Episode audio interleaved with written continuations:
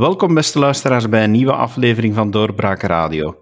Mijn gast vandaag is fractievoorzitter in het Brussels Hoofdstedelijk Parlement voor Vlaamse Belang. Welkom meneer Dominique Lotus. Ja, goeiedag. Dank u wel voor de uitnodiging. Meneer Lotus, u als fractievoorzitter in het uh, hoofdstedelijk parlement komt natuurlijk in aanraking met heel veel van de problematiek uh, specifiek voor Brussel. En ja, als we Brussel bekijken vanuit Vlaanderen, dan kunnen we uiteraard niet omtrent migranten en nieuwkomers in Brussel uh, omheen. En een van de dingen die u recent hebt aangekaart is dat het verplichte inburgeringstraject voor nieuwkomers in Brussel, dat dat nog altijd spaak loopt. Klopt dat? Ja, dat, eh, dat klopt inderdaad. Eh, maar sta me toe eerst te zeggen dat ik eh, eigenlijk een zeer coole minnaar ben van het hele systeem van inburgeringstrajecten en, en georganiseerde inburgering en gecontroleerde inburgering.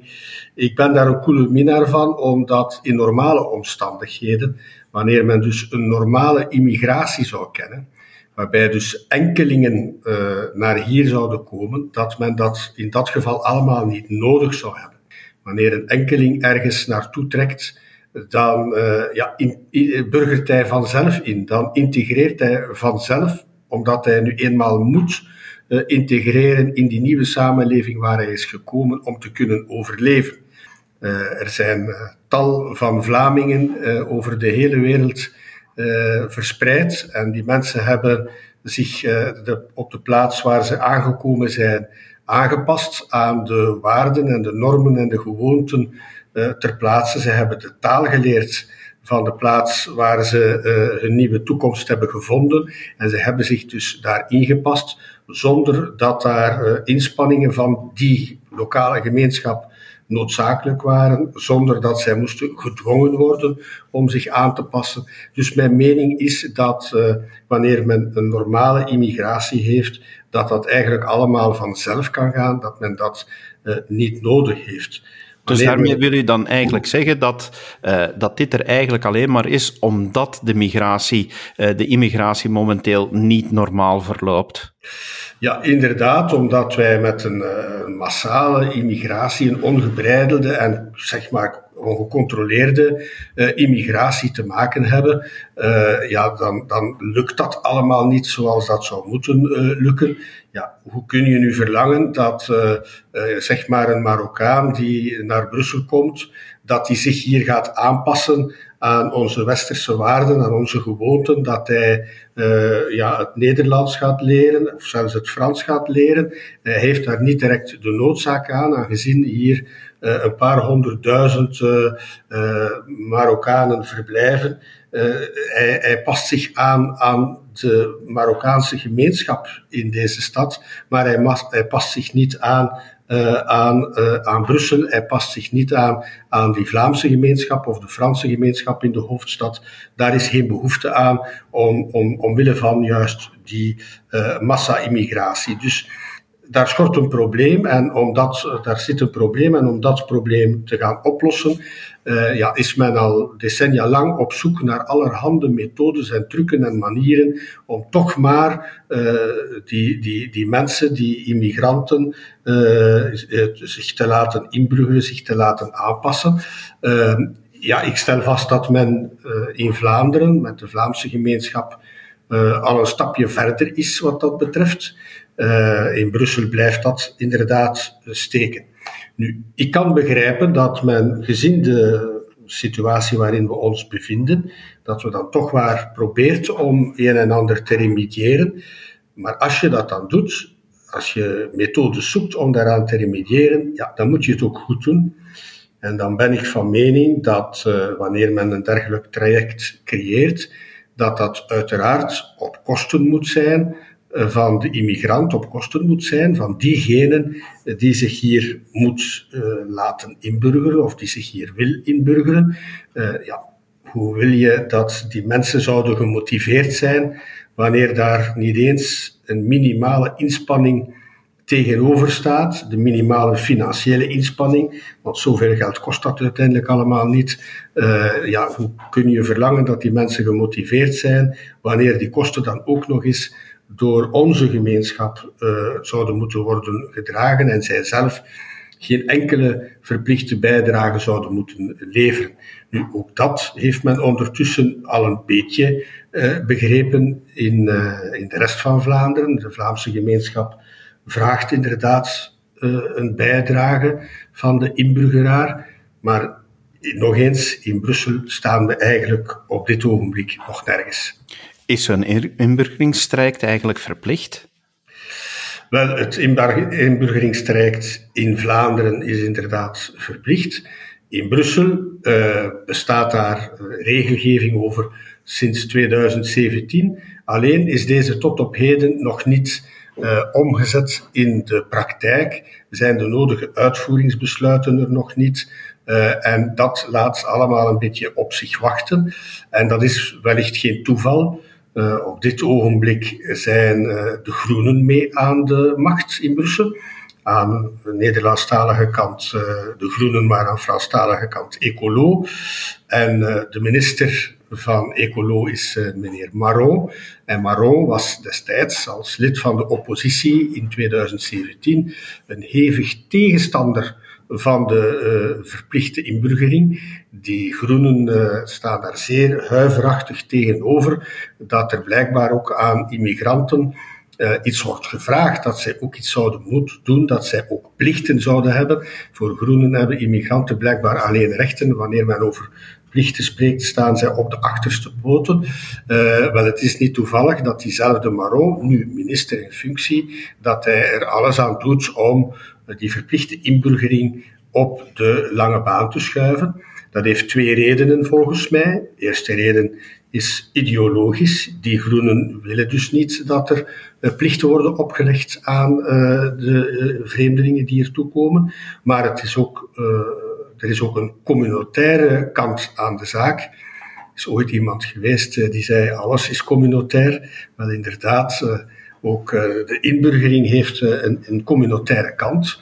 de, de, de fanatieke voorstanders van de zogenaamde Brusselse gemeenschap, die wilden, en ecolo en de groenen horen daar uiteraard bij, uh, tot die fanatici, die wilden dat de, het hele inburgeringsproblematiek overgeheveld zou worden naar de gewesten. En dat dus het, de, in feite de gemeenschappelijke gemeenschapscommissie in Brussel bevoegd zou worden voor die materie. En dat uh, uiteindelijk dus de Vlaamse gemeenschap in Brussel niet meer zou tussenkomen, wat vandaag natuurlijk wel nog het geval is. Ja, zij wilden dat uh, om natuurlijk uh, Vlaanderen te weren en pottenkijkers te weren uit de hoofdstad.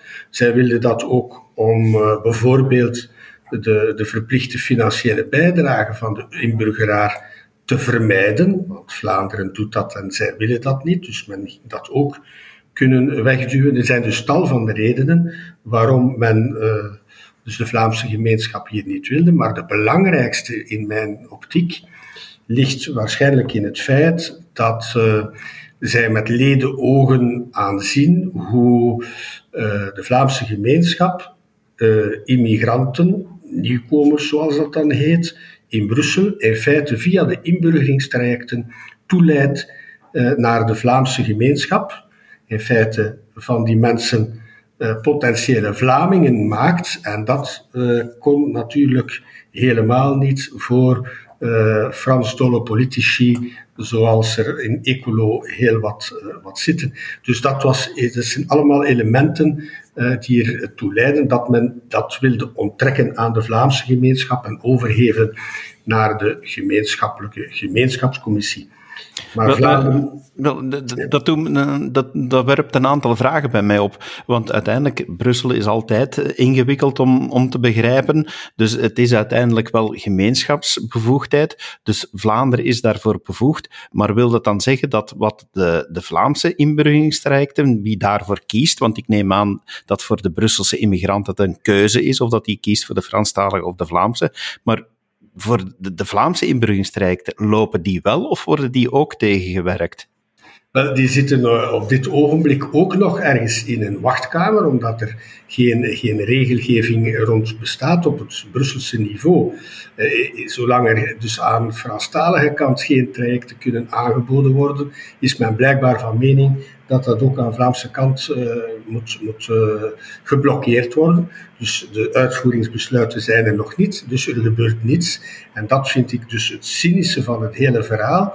Dat is dat die groenen blijkbaar, die, die, die ecolo's en, en de mensen van Groen, die, ik moet even in de marge zeggen dat mevrouw Van den Brand van Groen die mee bevoegd is in de gemeenschappelijke gemeenschapscommissie, daar allemaal geen woord over zegt. Zij laat dat volledig over aan uh, Alain Marron van Ecolo, die dus gekend staat en geboekstaafd staat als een uh, Frans dol politicus.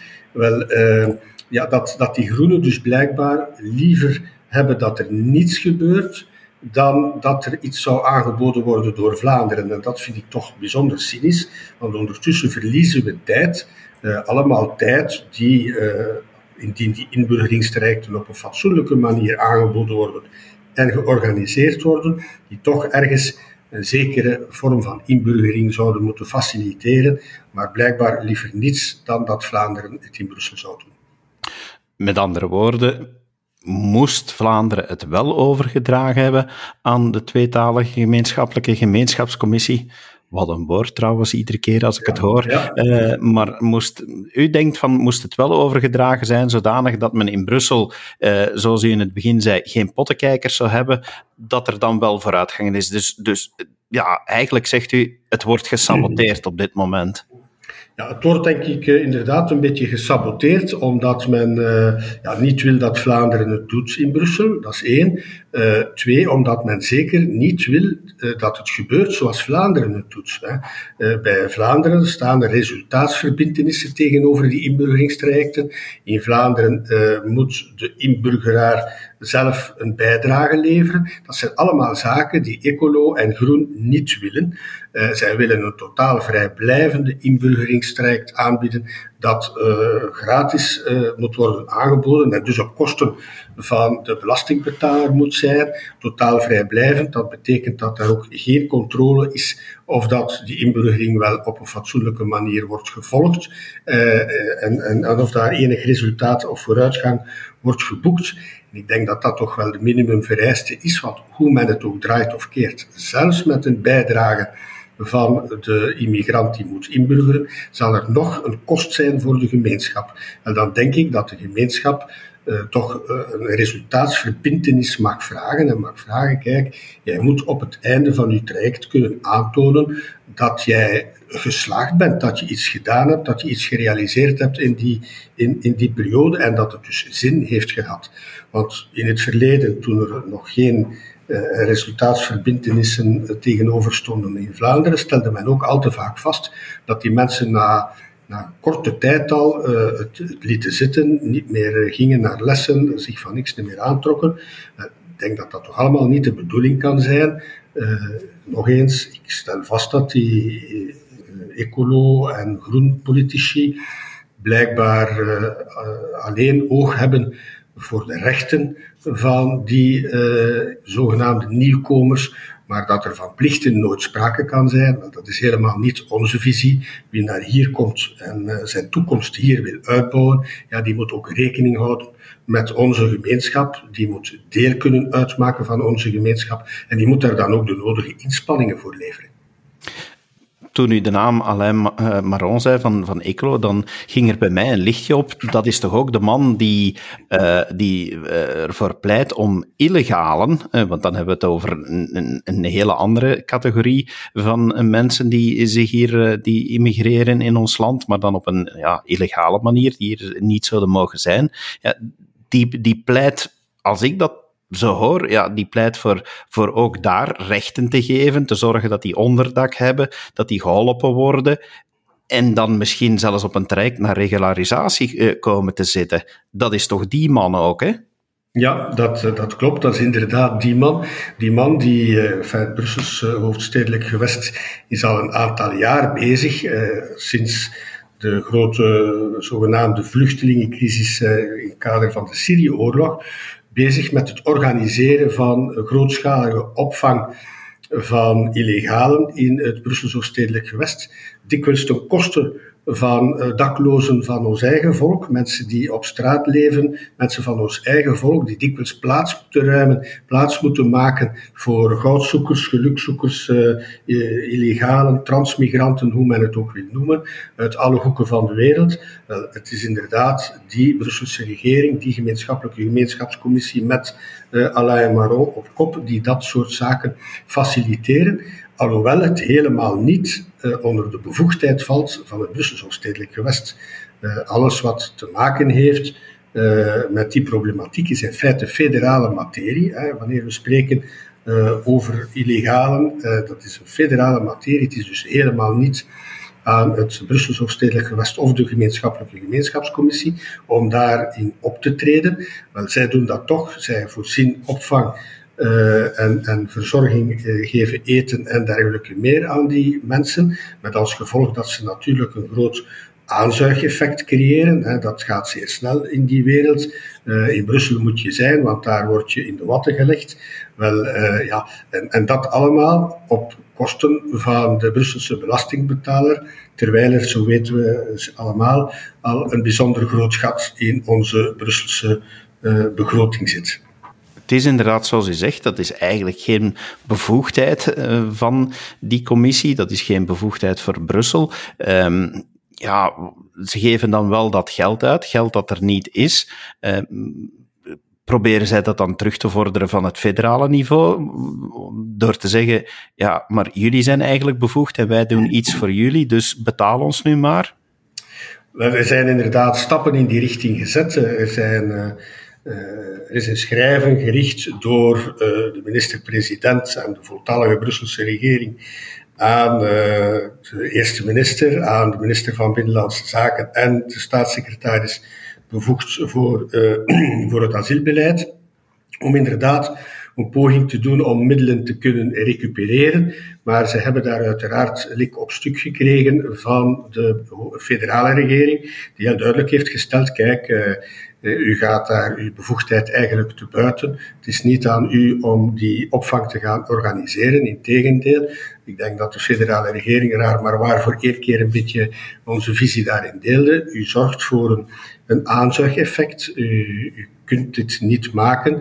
Uh, en dus hebben we een zeer uh, negatief antwoord gekregen wat dat betreft dat aanzeg-effect, dat uh, vinden we dan terug in het feit ja, dat, ja, en, zeker ook mensensmokkelaars weten en verkondigen, ja, ga maar naar België, zelfs dat wanneer je geen asiel uh, verkrijgt, wanneer je niet legaal kan blijven, wordt er nog voor u gezorgd. Uh, dat is, dat is nefast, want zo ga je toch nooit een, een degelijk migratiebeleid kunnen voeren. Nee, uh, dat klopt. En uh, het, het, argument dat de mensensmokkelaars uh, dat inderdaad gebruiken en op die manier Brussel gebruiken als draaischijf, dat, dat klopt helemaal. voor, voor hun, voor die mensensmokkelaars, is dat, zijn dat de ideale omstandigheden. Zij hebben een soort wachtkamer waar zij hun klanten tussen aanhalingstekens kunnen laten plaatsnemen. Een wachtkamer waar die mensen goed worden verzorgd, worden, een bed wordt aangeboden, bad wordt gegeven, eten wordt gegeven enzovoort. Dus zij worden hier verzorgd in afwachting van de diverse pogingen om ze bijvoorbeeld uh, over het kanaal naar Engeland te krijgen. Uh, er zijn tal van voorbeelden van, van mensen die dat zeer goed zien in Brussel, hoe dat allemaal werkt. Van dus uh, ja, die mensensmokkelaars die elke dag opnieuw dezelfde mensen oppikken en proberen over het kanaal te krijgen. Wanneer dat niet lukt, ja, dan zijn zij s'avonds terug in Brussel om eventjes terug uit te rusten, om te kunnen slapen, om eten te krijgen enzovoort. En sanderendaags start een, een nieuwe poging. Uh, dat is dus God geklaagd dat in feite uh, onze overheid, onze Brusselse overheid, uh, daar eigenlijk op die manier aan meewerkt, aan dat soort systeem, aan dat soort crapuleuze systeem waarin die mensensmokkelaars opereren. En dat, dat inderdaad onze Brusselse overheid daar medewerking wellicht eh, zij zullen niet zeggen dat dat bewust is en dat is misschien ook niet zo.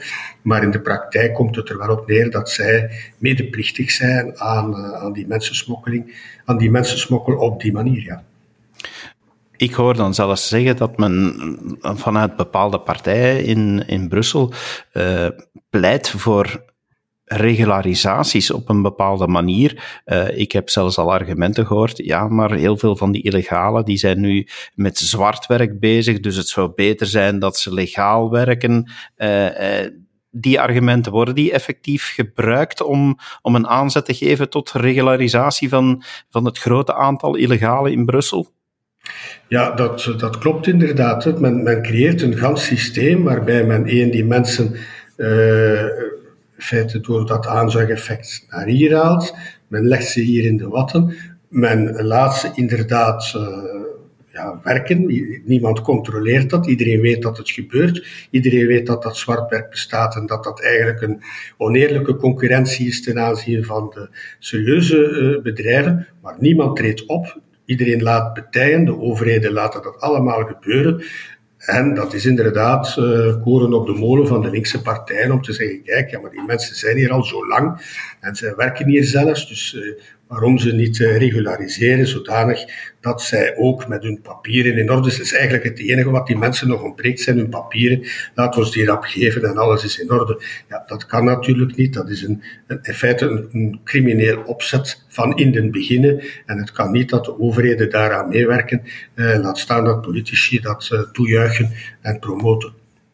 Als u dat aanklaagt in het parlement, welke tegenargumenten krijgt u dan? Ja, de tegenargumenten zijn dikwijls uh, nogal plat. Hè. Men, begint met het, uh, met het racisme. Hè. Uh, u bent racist, ja, dan heeft u in feite geen recht van spreken meer.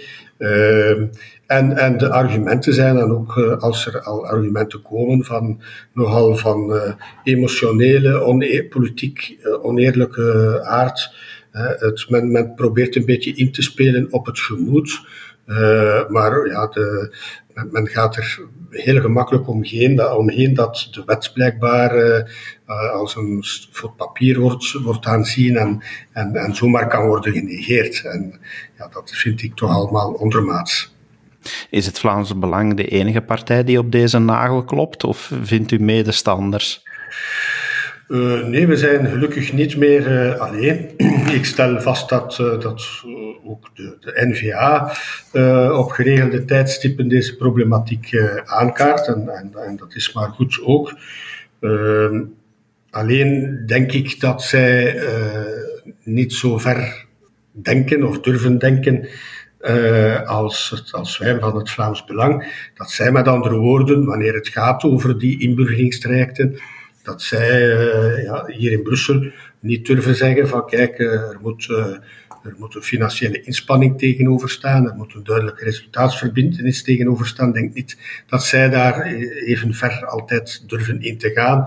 Ik heb soms het gevoel dat de NVA blij zou zijn als er eerder inburgeringstrajecten zijn in Brussel en dat het voor hun dan, dan goed is. Maar goed, ik ben, eh, ben zeer blij dat, dat het Vlaams Belang inderdaad niet alleen staat in, in, eh, in deze strijd en, en dat er medestanders zijn, dat moet ik wel zeggen. Wanneer we momenteel naar grote steden kijken, dan kunnen we onze ogen niet dicht doen voor wat er uh, momenteel gebeurt in, eh, in een aantal Zweedse steden, uh, waar, we, waar we heel wat rellen zien, waar migranten bij betrokken zijn. Uh, vreest u dat, dat er ook iets, iets broeit of dat het, dat het moeilijk gaat of dat er niet veel zo nodig zijn om ook rellen te krijgen in Brussel? Ja, dat, is, dat zou niet nieuw zijn. Ik, ik draai al enige tijd mee in, in het uh, politieke verhaal. En uh, ik herinner me de rassenrellen van 1991 in Molenbeek. Ik, herinner, me, ik herinner me zeer goed de rassenrellen in 2007 in Anderlecht. Enfin, het zou dus helemaal niks nieuws zijn. En in Brussel is het altijd zo dat een kleine vonk volstaat. We hebben elk jaar met oudejaarsavond al het, het trieste schouwspel van auto's die in brand worden gestoken en dergelijke meer. Er is dus permanent wel uh, latente spanning aanwezig die met een kleine vonk uh, kan ontvlammen. en de, recent stellen we ook vast dat er een soort drugsoorlog aan het woeden is in de hoofdstad. ook weer al zoeken in de hoek van vreemdelingenbendes die die drughandel in handen hebben en van elkaar proberen afhandig te maken. Ja, wanneer mensen gewoon worden afgeschoten in, in hun wagen, uh, en dat spreekt nu een voorval van vorige week, maar er zijn zo heel regelmatig schietincidenten de laatste tijd. Ook dat zit allemaal mee in het verhaal van die steeds aanwezige spanning die uh, zeer snel kan ontaarden in, ja, in, in een ontploffing, zou ik maar zeggen. Kan de politie daar dan voldoende op ingrijpen? Uh, of uh, ja, moeten we nu echt zeggen dat het echt wel tijd is om die, om die Brusselse uh, politiezones te gaan fusioneren? Ja, ik denk het fusioneren van de, de, de politiezones, ik ben daar hevig voorstander van, omdat ik van mening ben dat eenheid van commando eenheid van uh, optreden, eenheid ook van organisatie, alleen maar ten goede zou komen. Nu, nu groepeert men soms al in zones in noodgevallen. waarom zou men dat dan niet permanent doen? Ik denk dat het alleen maar een goede zaak zou kunnen zijn. Maar gaat dat alles oplossen bij, als bij toverslag? Dat denk ik niet. Hè. Ik denk dat er meer nodig is. Ten eerste moet er al uh, wat minder politieke inmenging zijn. Ik, ik ken uh, voldoende getuigenissen van politiemensen die, uh, die gezegd worden dat ze niet mogen optreden in bepaalde wijken, in bepaalde buurten. Bijvoorbeeld omdat het Ramadan is. Hè. We, willen geen, we willen geen problemen, dus oogje dichtknijpen alstublieft. Ja, dat soort zaken kan niet. Het omgekeerde gebeurt wel. Politici die uh, eigenlijk de politie een mes in de rug steken bij het minste uh, voorval uh, dat, er, dat er gebeurt. Ook al is de politie volledig in zijn recht, dan nog worden die mensen dikwijls door politici in een mes in de rug gestoken. Dat kan natuurlijk allemaal niet. onze politie moet in die strijd, de strijd voor veiligheid in de hoofdstad, volledig, volledig worden door de politiek. En een tweede belangrijk luik aan dat verhaal is natuurlijk het luik uh, van justitie. Justitie moet volgen. Het is onvoldoende dat uh, politiemensen uh, optreden in geval van criminaliteit, mensen aanhouden en voorleiden. Ze moeten, die mensen, die criminelen, moeten ook vervolgd worden. En we moeten af van het seponeringsbeleid zoals dat vandaag bestaat. We moeten naar een vervolgingsbeleid. De criminelen hoe klein tussen aanhalingstekens de criminaliteit ook mogen zijn, uh, die moet vervolgd worden, die moet worden aangepakt, want criminaliteit die niet wordt bestraft, vraagt om herhaling. En dat zien we elke dag in Brussel. Boefjes die een handtas stelen van een bejaarde dame en daarvoor niet gestraft worden, ja, die stelen er sanderendaags opnieuw een. En zo gaat dat verder. En dat is dan de zogenaamde kleine criminaliteit, uh, tussen zeer veel aanhalingstekens. Uh, want dat is natuurlijk bijzonder traumatisch voor de mensen allemaal. Uh, maar goed, als men dat niet aanpakt, dan, ja, dan laat men alles maar betijen. En ik hoor dat dat op alle vlakken speelt. deze week nog waren vertegenwoordigers van de veiligheidsdiensten van de MIVB, openbare vervoersmaatschappij, te gast in het parlement om hun uh, bezorgdheid kenbaar te maken over de stijgende agressie, stijgend geweld, verbaal, maar ook fysiek, ten aanzien van, van hun mensen, maar ook in het algemeen in het openbaar vervoer. En dat is ook een van hun uh, voornaamste bedenkingen dat is het feit dat er een straffeloosheid is en, uh, en dat dat natuurlijk uh, ervoor zorgt dat die criminaliteit zich herhaalt en blijft voortduren. Dus die cirkel moet uh, doorbroken worden. Meneer Lotus, hartelijk dank dat u de tijd hebt genomen om toelichting te geven bij de problematiek die op deze thema's heerst in Brussel. Dat is heel graag gedaan en altijd bereid. En uw beste luisteraar, hopelijk hebt u ook weer wat bijgeleerd uit deze podcast. Blijf eh, afstemmen op Doorbraak Radio en heel graag tot de volgende keer. Dag. Dit was een episode van Doorbraak Radio, de podcast van doorbraak.be. Volg onze podcast op doorbraak.be/radio of via Apple Podcasts, Overcast of Spotify. Bezoek ook onze website op doorbraak.be en steun ons door een vriend te worden van Doorbraak.